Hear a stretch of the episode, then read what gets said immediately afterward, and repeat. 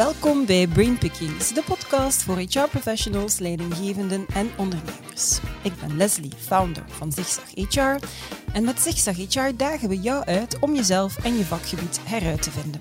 Abonneer je dus zeker op dit YouTube-kanaal of volg ons op jouw favoriete podcastkanaal.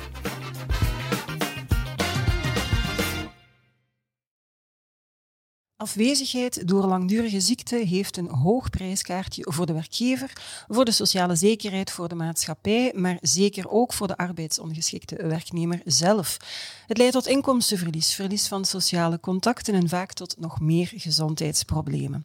Hoe langer iemand arbeidsongeschikt is, des te moeilijker een succesvolle terugkeer wordt. Daarom is het van groot belang om werknemers al in een vroeg stadium de kans te geven om weer aan de slag te gaan.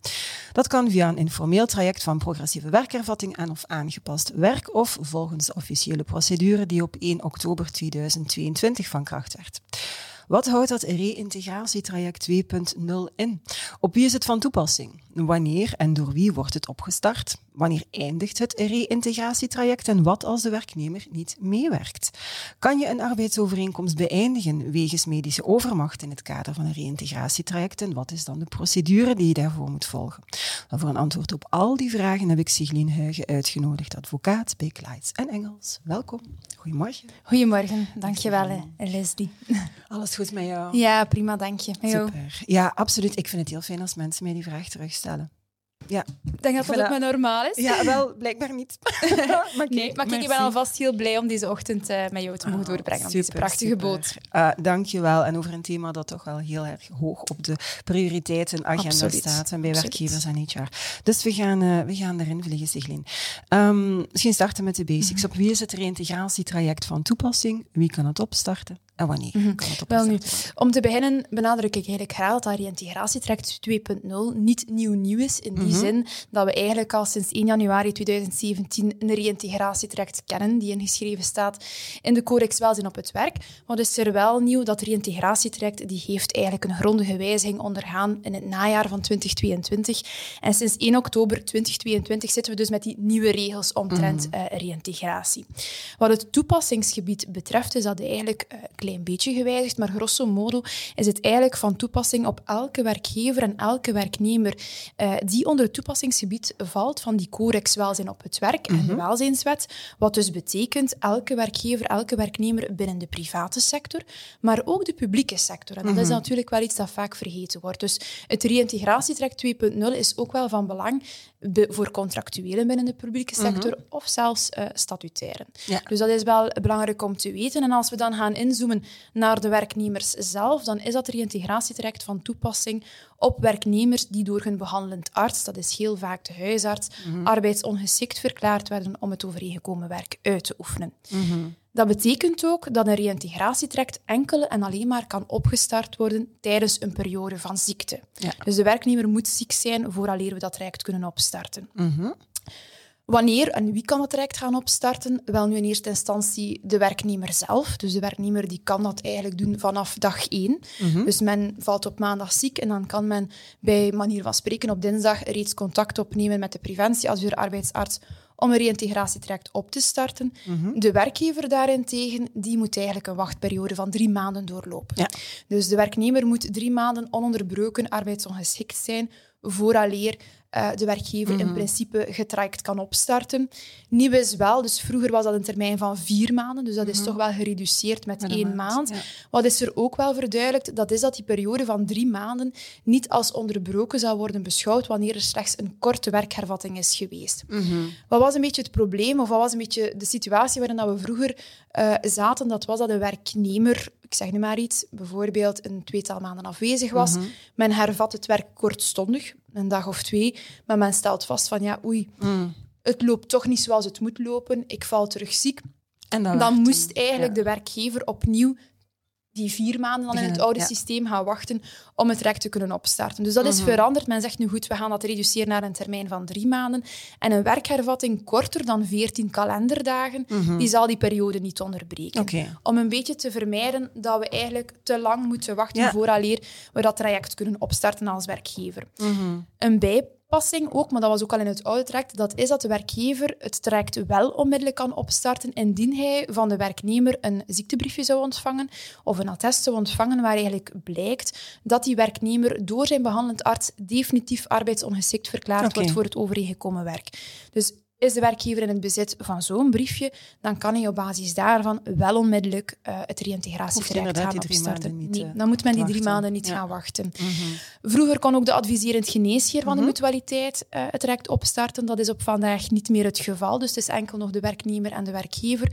Dat heeft een beetje te maken met het feit dat men nu in de schoot van de mutualiteiten een terug naar het werktraject Mhm. heeft Ja. gecreëerd, waarbij de adviserend geneesheer initiaties gaat nemen. Wat kan de adviserend geneesheer van de mutualiteit wel nog altijd doen? Als hij geconfronteerd wordt met iemand die verbonden is door een arbeidsovereenkomst Mhm. en men is van oordeel van ja, eigenlijk zou jij wel mogelijk het werk kunnen hervatten, al dan niet met aanpassing van het werk, dan kan hij die persoon wel sturen richting de preventieadviseur arbeidsarts. Ja. Maar hij zal niet meer als such het traject zelf kunnen gaan opstarten. Oké, heel helder. En ook ja, nieuw.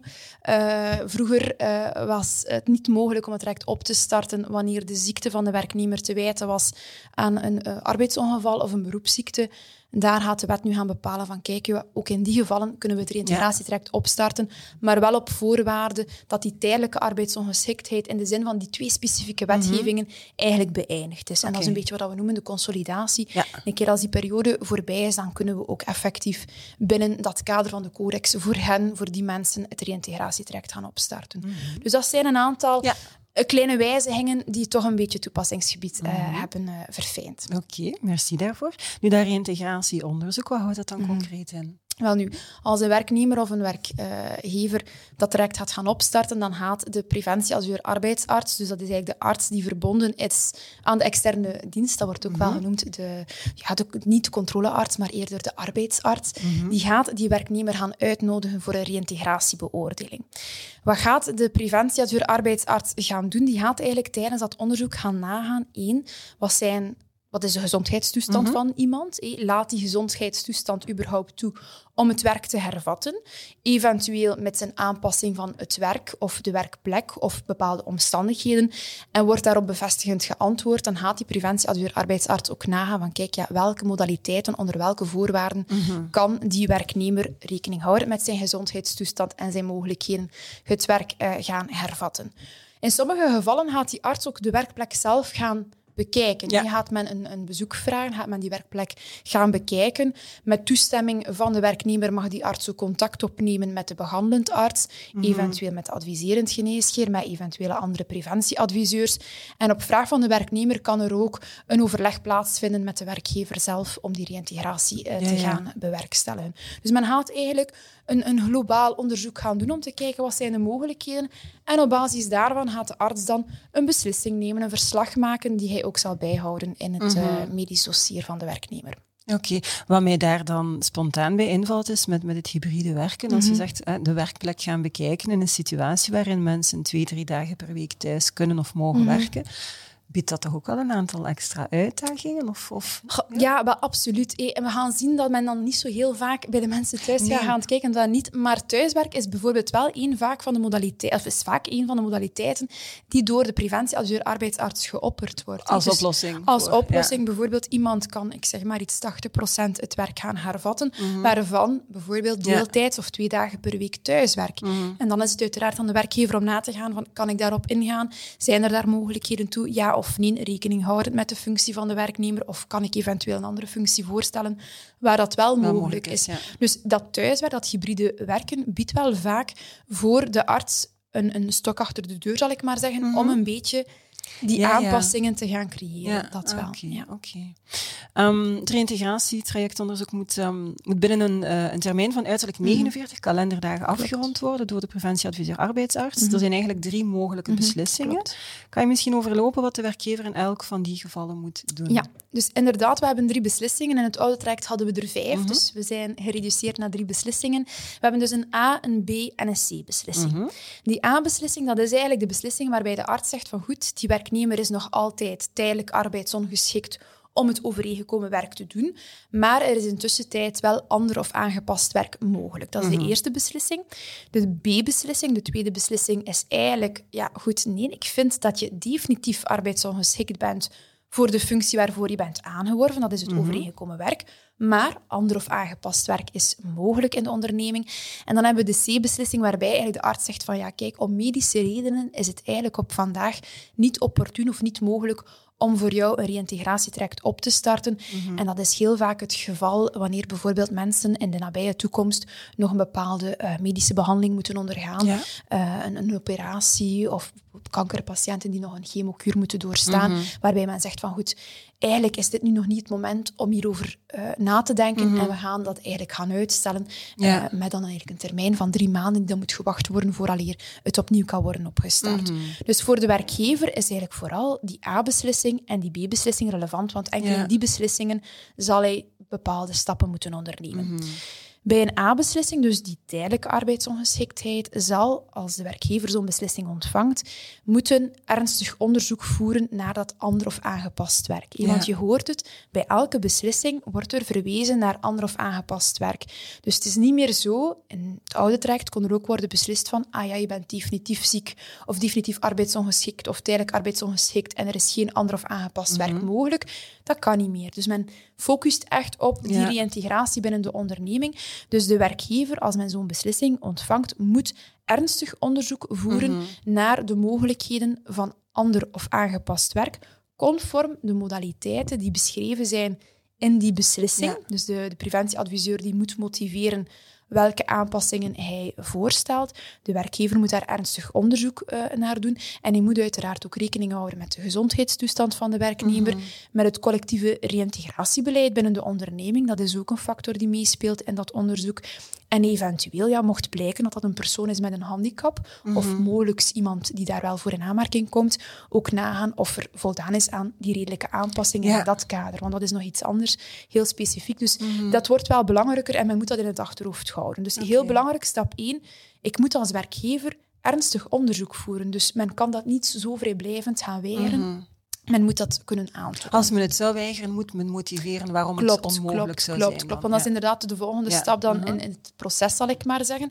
Dus men doet dat onderzoek en dan een tweede stap is ook overleg gaan plegen. Mhm. En dat is wel een belangrijke factor. En dat was eigenlijk ook wel een belangrijke factor in het oude reïntegratietraject, zal ik maar zeggen. Maar die focus wordt versterkt. Dus in die zin, we hebben rechtspraak van het oude traject die zegt van, kijk, ja, sorry, het reïntegratietraject is niet correct doorlopen, want je kan niet aantonen dat er overleg is geweest of dat je ernstig onderzoek hebt gevoerd. En nu heeft men dat eigenlijk meer in een wettelijk kader willen Ja. gieten. Dus er moet effectief overleg zijn met de werknemer zelf, eh, ook met de preventieadviseur arbeidsarts over dat onderzoek en eventueel andere personen die kunnen bijdragen eh, tot reïntegratie. Ik denk aan een HR-manager, Ja. een leidinggevende van de betrokkenen. En als werkgever ja, is het wel belangrijk dat je dat kan aantonen, voor het geval dat er ooit een discussie rijst, zijn, uiteraard. ja, ja, Dus dat zijn de eerste twee stappen. Ernstig onderzoek en overleg. En op basis daarvan is het dan uiteraard in eerste instantie de bedoeling dat je een reïntegratieplan voorstelt. Dat je eigenlijk een voorstel formuleert van kijk, op basis van dat onderzoek kunnen wij u die functie of die aanpassing voorstellen. En dan is het uiteraard aan de werknemer om daar al dan niet mee akkoord te gaan. Mhm. De vraag die natuurlijk heel vaak rijst is van ja, maar ik heb dat onderzoek gedaan, ik heb overleg gepleegd, maar ik stel eigenlijk vast dat dat Mhm. gewoon niet haalbaar is, organisatorisch, technisch of om andere reden. Ja, wat moet ik dan doen als werkgever? Wel nu, daarvoor ziet de wetgeving, net zoals vroeger, dat je dan kan weigeren om een reïntegratieplan op te stellen, maar je moet dat motiveren. Dus dan moet je een motiveringsverslag gaan opstellen waarom je eigenlijk dat ander of aangepast werk niet kan aanbieden. Mhm. En belangrijk is, en dat wordt echt wel belangrijker in vergelijking met vroeger, is om in dat verslag aan te tonen ik heb echt wel ernstig onderzoek gedaan. Gedaan, ja. Ik heb ook dat overleg gedaan. Maar helaas moet ik vaststellen dat op basis Ja. van die twee samen ik tot de vaststelling kom dat het niet mogelijk is. Mhm. En dan is het natuurlijk ofwel het plan overmaken aan de werknemer, ofwel het motiveringsverslag overmaken aan de werknemer. En ja, als het een plan is, dan treedt het in het werking. Mhm. Een motiveringsverslag zal ertoe leiden dat de werknemer ehm, verder arbeidsongeschikt eh, zal Ja. blijven. En bij een A-beslissing moeten die stappen eigenlijk doorlopen worden binnen een termijn van 63 kalenderdagen. Mhm. Ja. Dus dat is toch wel vrij kort, Ja. omdat men eigenlijk ja, zo snel mogelijk naar die reïntegratie wil toewerken. Voor een B-beslissing zijn eigenlijk dezelfde stappen van toepassing. Dus ook dat ernstig onderzoek, dat overleg. Maar de werkgever heeft daar wel een termijn van zes maanden. Dus daar krijgt men iets meer tijd om die stappen te doorlopen. Dat heeft ook te maken met het feit dat het hier wel gaat over een definitieve arbeidsongeschiktheid. Dus het is echt wel een definitieve wijziging van de samenwerking. Dat vergt iets meer uh, tijd. En belangrijk in dit geval is ook dat ook de werknemer een beroepsmogelijkheid geeft. Dus als de werknemer een beslissing ontvangt van definitieve arbeidsongeschiktheid, dan kan die daartegen beroep aantekenen. Okay. En die moet hij dat dan doen binnen de 21 kalenderdagen. Ja. En als werkgever kan je eigenlijk geen stappen ondernemen tot op het moment dat je zeker bent dat die beslissing definitief is. Dus die beroepstermijn moet verstreken zijn of die beslissing moet in beroep bevestigd worden. Ja. En pas op dat moment kan je dan eigenlijk beginnen aan je onderzoek of de verdere stappen. Okay. Uh, dus vandaar dezelfde stapjes met die kleine nuance en de termijnen die uh, een beetje verschillend zijn. Ja. Mm. Zeg, en wanneer is het reïntegratietraject dan beëindigd? De reïntegratietraject is sowieso beëindigd in een C-beslissing. Dus als we mhm. een C-beslissing krijgen van goed, het is om medische redenen niet opportun om dat nu op te starten, dan stopt het automatisch. En dan kunnen de partijen dat eigenlijk opnieuw gaan opstarten um, binnen de drie maanden. Dus men moet mhm. drie maanden wachten, tenzij dat de arts daarvan zou afwijken. Men kan ook een andere termijn bepalen in de mhm. beslissing, maar dat is eigenlijk de, de regel. Als we met een A of een B-beslissing zitten, zal het direct een einde nemen op het moment dat er ofwel een motiveringsverslag mm -hmm. overgemaakt werd aan werknemer of arts, of op het moment dat de werknemer het reïntegratieplan aanvaard heeft en men is effectief mm gereïntegreerd binnen de onderneming. Of op het moment dat de werknemer zegt, ja sorry, maar ik aanvaard dat reïntegratieplan niet, dan stopt het ook. En dan hebben we nu nog een bijkomende uh, beëindigingsmogelijkheid, zal ik maar zeggen. Stel dat de werknemer tot drie maal niet ingaat op de uitnodiging van de preventieadviseur arbeidsarts, mhm. en er zit 14 kalenderdagen tussen elke uitnodiging, dan bepaalt de codex nu ook van, kijk, ja, in dat geval neemt het reïntegratietraject automatisch een, einde en stopt het. Ja. De vraag die dan rijst is van, ja, moeten we dan ook die drie maanden wachten om het opnieuw op te starten? Daar hebben we nu heel recent een standpunt over binnengekregen. Die zegt mhm. nee, eigenlijk kan één van de partijen, ofwel werknemer of werkgever in dat geval, onmiddellijk opnieuw de vraag stellen aan de externe dienst om het traject op te starten. Ja. Um, dus het is een beetje, een beetje kijken hoe het, hoe het loopt, zal ik ja. zeggen. Ja. Zeggen, en wat als, een, als een werknemer nu eigenlijk echt niet wil meewerken, wat, wat, kan een werkgever dan ondernemen? Eigenlijk? Inderdaad, echt wel een goede vraag, want dat zijn helaas wel situaties waarmee werkgevers uh, soms mee geconfronteerd mm. worden. Dus we hebben in eerste instantie dus nu die nieuwe bepaling die zegt van het traject stopt. Betekent dat dan dat je als werkgever daar niets verder mee, mee kan ondernemen? Nee. Um, de codex die bepaalt zeer duidelijk dat zowel werkgevers als werknemers wettelijk verplicht zijn mhm. om mee te werken aan het vlot en constructief verloop van dat traject. Dus het is niet zo dat dat heel vrijblijvend is. Mm Niet in hoofd van werknemer, niet in hoofd van werkgever. Als je nu echt iemand hebt die pertinent weigert om in te gaan zonder gegronde reden, Mhm. Dat is wel een belangrijke nuance. Dan is er rechtspraak die zegt van ja, kijk, in bepaalde gevallen kan dat dan wel een ontslag rechtvaardigen, mm zelfs een ontslag om dringende reden. Maar dat is natuurlijk iets wat case by case moet beoordeeld worden. Je kan daar niet zomaar een paspartout op plaatsen. Dus we moeten echt wel kijken, geval per geval. En dat zal dan uiteraard ook wel de nodige dossieropbouw uh, vragen en nagaan van ja, kijk, maar waarom ga je niet na die afspraak? Wat is uw reden? Is dat een gegronde reden? Mhm. Maar je kan wel effectief uh, acties ondernemen. En we raden dan ook wel aan om in uw arbeidsreglement eventueel in te schrijven van kijk, als dat recht lopende is of we starten dat op, verwachten wij dat je conform ehm, de wet daarmee mee, ja, vlot aan meewerkt. Ja, ja, inderdaad. Ja. Zeg, en als je als werkgever dan de nieuwe regels en zaken die mm reïntegratie niet volgt, Waar riskeer je dan? Wat zijn de mogelijke gevolgen? Ja, wel, de Codex Welzijn op het Werk die, uh, bepaalt geen specifieke sanctie, nog in hoofd van de mhm. werknemer, nog in hoofd van de werkgever. Maar het niet naleven van de regels in zaken reïntegratie is natuurlijk wel een inbreuk op uw welzijnsreglementering. Mhm.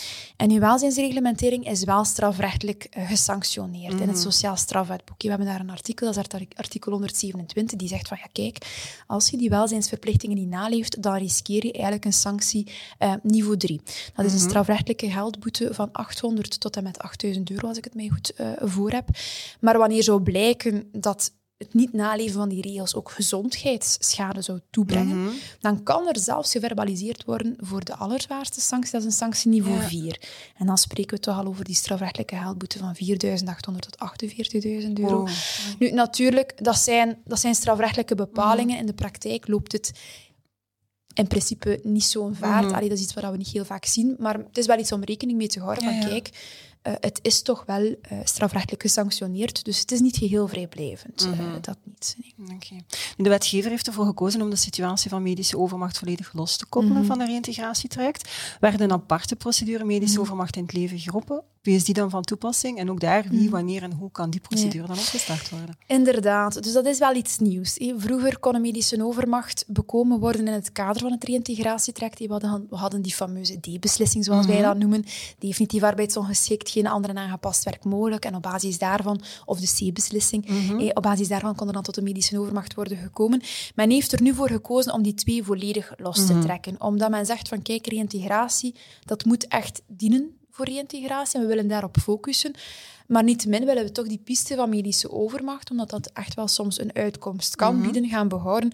Maar dan willen we daarbij komende waarborgen gaan inbouwen. Dat is ook een beetje op vraag van sociale partners geweest. En, en, en ja, door de ervaring nu de voorbije jaren met dat uh reïntegratietraject. En die procedure, dat is de bijzondere procedure medische overmacht, uh, die staat ook ingeschreven in de Codex Welzijn op het Werk en artikel 34 van de Arbeidsovereenkomstenwet. Die kan opnieuw toegepast worden of is eigenlijk opnieuw van toepassing op elke werkgever, elke werknemer in de private sector, publieke sector. Belangrijk is wel dat deze procedure pas kan opgestart worden als de werknemer negen maanden onafgebroken okay. arbeidsongeschikt ja. is. Dus de reïntegratie trekt voor de werkgever vanaf drie maanden, mm -hmm. maar hier zitten we met die termijn vanaf negen maanden. Mm -hmm. En dat zowel in hoofden van werknemer als werkgever. Dus ook de werknemer die kan niet zeggen van onmiddellijk ik start die procedure nee. op. Men moet negen maanden onafgebroken ziek mm -hmm. zijn. En ook hier zitten we opnieuw met die uh, nuancering, zal ik maar zeggen, dat een kortstondige werkhervatting, zijnde werkhervatting van minder, minder dan, ja, dan 14 dagen, ja. die periode niet zal onderbreken. Okay. En dat proces is eigenlijk vrij gelijkaardig in die zin, het moet hier wel opgestart worden op iets formelere wijze, dus via een aangetekende brief. Dus de persoon die het opstart, die moet de andere partij, maar ook de preventieadviseur arbeidsarts daarvan in kennis stellen via een aangetekende brief. Mm -hmm. Als de werkgever die procedure opstart, moet hij de werknemer ook informeren van één, het feit dat uh, de man of vrouw in kwestie zich eigenlijk gedurende de volledige procedure kan laten bijstaan door iemand van de vakbondsafvaardiging. Mm -hmm. Dus dat is wel een belangrijk uh, recht die moet worden meegegeven. En een tweede recht die moet worden meegegeven, dat is dat de werknemer gedurende die procedure de mogelijkheid geeft om aan de preventieadviseur arbeidsarts te vragen om na te gaan of er inderdaad toch geen ander of aangepast ja. werk kan worden aangeboden. Mm -hmm. Dus als je als werkgever dat opstart, moeten die twee elementen wel deel uitmaken van je aangetekende brief. Partijen ontvangen die brief en dan zal opnieuw de preventieadviseur de werknemer gaan uitnodigen. Maar dat is eigenlijk maar ten vroegste na tien dagen na ontvangst. Ja. Dus er is opnieuw een periode tussen van ja, tien ja, dagen na ontvangst. Okay. En dan eigenlijk het onderzoek is een beetje gelijkaardig. Dus hij gaat eigenlijk nagaan, goed, is die persoon al dan niet definitief arbeidsongeschikt voor het overeengekomen werk. Als de werknemer onmiddellijk vraagt van ja, maar ik wil ook wel graag dat u nagaat of ik mogelijkheden heb voor ander of aangepast werk, mm -hmm. dan zal de arts dat ook moeten doen. Dan gaat hij ook meenemen uh, in de beslissing. Als hij de beslissing neemt dat iemand definitief arbeidsongeschikt is, gaat hij ook moeten motiveren waarom. Dus er komt wel een, een bijkomende ja. motiveringsplicht ook in hoofd van de arts. Um, als de werknemer dat niet zou vragen en de arts vindt dat die persoon definitief arbeidsongeschikt is, dan zal die persoon ook nog een bijkomende bedenktermijn krijgen van zeven dagen om eventueel toch nog uh, te vragen om dat onderzoek te doen ja. naar ander of aangepast werk. Okay. Dus de persoon kan dan nadien binnen die zeven dagen toch nog vragen van kan je dat toch voor mij even niet nagaan? En dan gaat de arts eigenlijk opnieuw mm. uh, een onderzoek gaan, gaan doorvoeren naar die modaliteiten en naar die voorwaarden. Ja.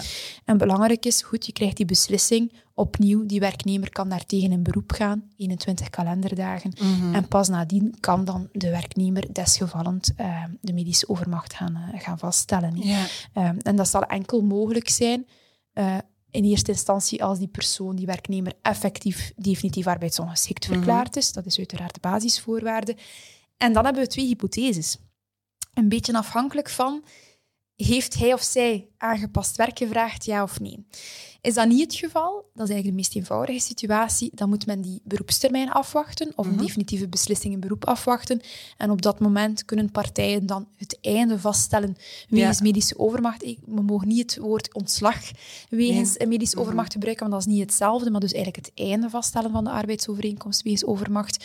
Heeft de persoon wel um, ander of aangepast werk gevraagd, dan moet de werkgever eigenlijk opnieuw diezelfde stapjes doorlopen die we besproken hebben uh, bij het reïntegratietraject. Um, dus dat wil zeggen, ja. we zijn dat daar een stuk onderzoek voeren, overleg. dat overleg plegen en dan op basis daarvan kijken van, kan ik die persoon toch niet reïntegreren?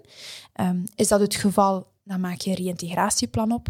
Wordt dat reïntegratieplan door de werknemer geweigerd, dan zal je op dat moment een medische overmacht kunnen inroepen. Mm Tweede optie, ik doe dat onderzoek, ik doe dat overleg, maar ik stel eigenlijk vast dat ik dat niet kan aanbieden. Mhm. Dus ik stel een motiveringsverslag op, ik maak dat motiveringsverslag over aan de werknemer en de arts. Wel nu op dat moment of na dat moment kan dan de werkgever ook of de werknemer ook uh, het einde vaststellen van de arbeidsovereenkomst wegens medische overmacht. Dus we moeten een beetje uh, spelen in functie van de beslissingen en de stappen die worden genomen.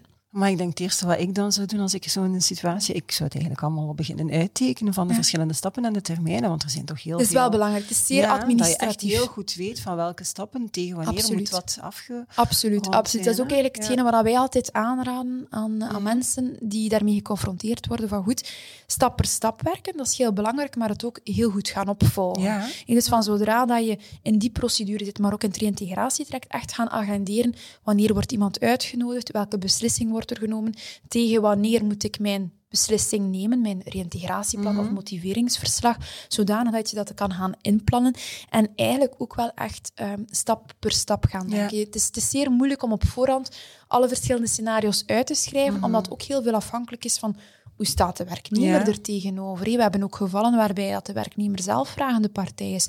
En dat zijn natuurlijk de Mhm. makkelijkste Ja, ja. cases, omdat dat dan iets vlotter gaat. Maar je- ja, er zijn ook andere gevallen en dat je niet kan inschatten op voorhand hoe iemand daar tegenover staat. Mhm. Ja. Het gebeurt ook dat iemand in het begin heel hard vasthoudt aan van ik wil absoluut gereïntegreerd worden. Maar doorheen het proces misschien ergens ja, tot Mhm. besef komt van is dat wel hetgene wat ik effectief wil? Of is dat wel hetgene die in mijn belang is? Dus dat kan ook wijzigen. Maar Mhm. Ja. het is wel goed om als werkgever, zal ik maar zeggen, een overzicht te hebben van goed, wat zijn mijn mogelijkheden en waar Mhm. moet ik rekening mee houden? Om Ja, dat wel ja. even inderdaad op voorhand Ja. eh, af te stemmen en uit te tekenen. Mhm. Zeg, en, en ook hier dan bij die medische overmacht, hè, wat als een medewerker niet meewerkt? Opnieuw eigenlijk hetzelfde verhaal zoals bij het reïntegratietraject. Mhm. Ook hier bepaalt de corex van men komt drie keer niet opdagen, dan stopt eigenlijk de procedure. De werkgever wordt daarvan verwittigd. Eh, het is niet zo dat je op dat moment dan automatisch een medische overmacht kan inroepen. Dat niet. Dus het is niet Mhm. zo, ah, komt drie keer niet af, dus wij kunnen nu medische overmacht vaststellen. Nee. Eh, wat kan je als werkgever opnieuw wel gaan doen? Eh, ja, die werknemer daarvoor in gebreken stellen. En als er vastgesteld wordt dat iemand herhaaldelijk echt pertinent weigert zonder gegronde reden om mee te werken, dan kan er toegewerkt worden richting een ontslag, eventueel of een ontslag om dringende reden. Ja. Dat is natuurlijk niet de piste die de meeste eh, Nee, nee. mensen willen volgen. En dat is een piste die te vermijden is. Maar in sommige gevallen ja, durft dat wel een keer voorvallen. En dat is Mhm. een beetje op basis ook van de oude rechtspraak die zegt van goed, ja, als het echt wel frappant is, Mhm. eh, dan kan je die acties ondernemen. Maar opnieuw, ja, case by case te beoordelen. Want mogelijk is er wel een reden waarom iemand eh, ja, niet kon eh, opdagen. Ja, Want ja, het is ja. belangrijk om echt geval per geval te gaan Te gaan kijken. ja, Mhm. Progressieve werkhervatting geeft eh, arbeidsongeschikte werknemers de mogelijkheid om een werk gedeeltelijk te hervatten, wennen aan het normale arbeidsritme wanneer dat ze nog aan het herstellen zijn. Het is eigenlijk een manier om medewerkers na langdurige afwezigheid wegens ziekten opnieuw geleidelijk aan en te Mhm. integreren in het bedrijf. Dat kan ook deel uitmaken van een formeel reïntegratietraject. Wel- Welke formaliteiten gelden hier dan? Ja, dat klopt. Dus die progressieve werkhervatting, dus dat kan deel uitmaken van een formeel reïntegratietraject, maar dat kan ook daarbuiten gevraagd worden. Dus een werknemer kan perfect zeggen na een bepaalde periode van van ik zou eigenlijk wel graag gedeeltelijk het werk hervatten. Nu, als dat in het kader gebeurt van een reïntegratietraject, dan is dat eigenlijk een aspect die heel vaak geopperd zal zijn door de preventieadviseur arbeidsarts. Uiteraard wel eh, ook met overleg van die werknemer. Die werknemer zal daar vaak vragende partij voor zijn. En dan is het eigenlijk de bedoeling als werkgever, als je zegt van ik kan het eigenlijk wel aanbieden, dat dat deel uitmaakt van je reïntegratieplan dat je aan die werknemer zal voorstellen. Wat dat wij natuurlijk wel altijd aanraden, is om dat plan, als dat door de werknemer aanvaard wordt, om dat ook te gaan formaliseren in een bijlage bij de arbeidsovereenkomst, waarin je dan ook de geldigheidsduur bepaalt, de modaliteiten van eh, de progressieve werkhervatting. Heel belangrijk daarbij is ook vragen van, kijk, heb je je toestemming van de adviserend geneesheer van de mutualiteit?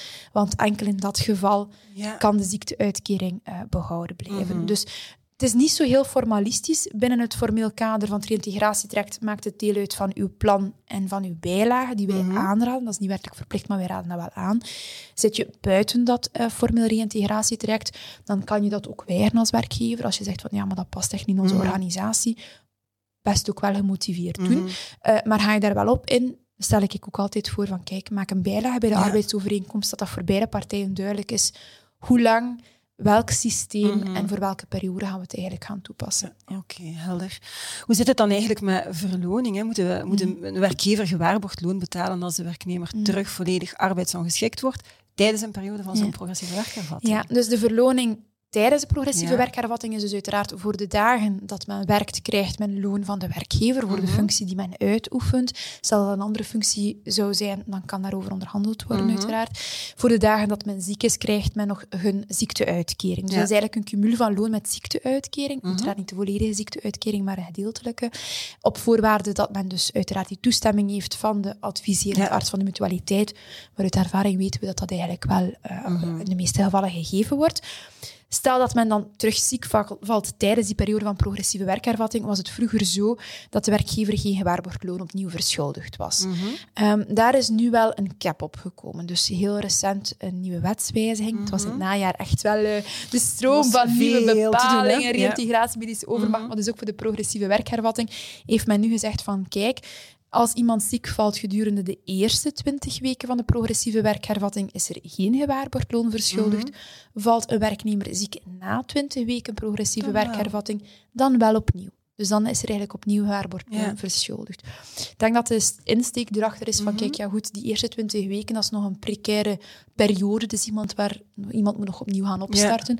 Maar als iemand daar een langere tijd in zit, dan kan het altijd gebeuren dat die persoon omwille van een volledig andere reden opnieuw ziek Ja, valt. ja, ja, ja. En dan wil men ergens die waarborg terug gaan geven van ja goed, op dat moment kom je terug in aanmerking voor gewaarborgd loon. Dus de cap is op vandaag 20 weken. Mhm. Op vandaag, Ja. zeg je. Ja, dus zin dat dat gaat veranderen? Of? Nee, ah, oké, nee, de- nee, door de... voilà. ja, ja, ja. Dus vroeger was het gewoon zo helemaal geen gewaarborgd Mhm. loon meer verschuldigd, maar dus op vandaag eh, moet je er rekening mee houden van ja goed, is het voor 20 weken, is het na Na 20 weken?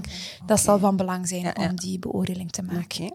Zeg, en wat als arbeidsovereenkomst tijdens de periode van een progressieve werkervatting wordt beëindigd door middel van het betalen van een opzeggingsvergoeding dan? Wat dan? Mhm. Dus dat is inderdaad een onmiddellijke beëindiging van de Mhm. arbeidsovereenkomst, wat dat in principe perfect kan.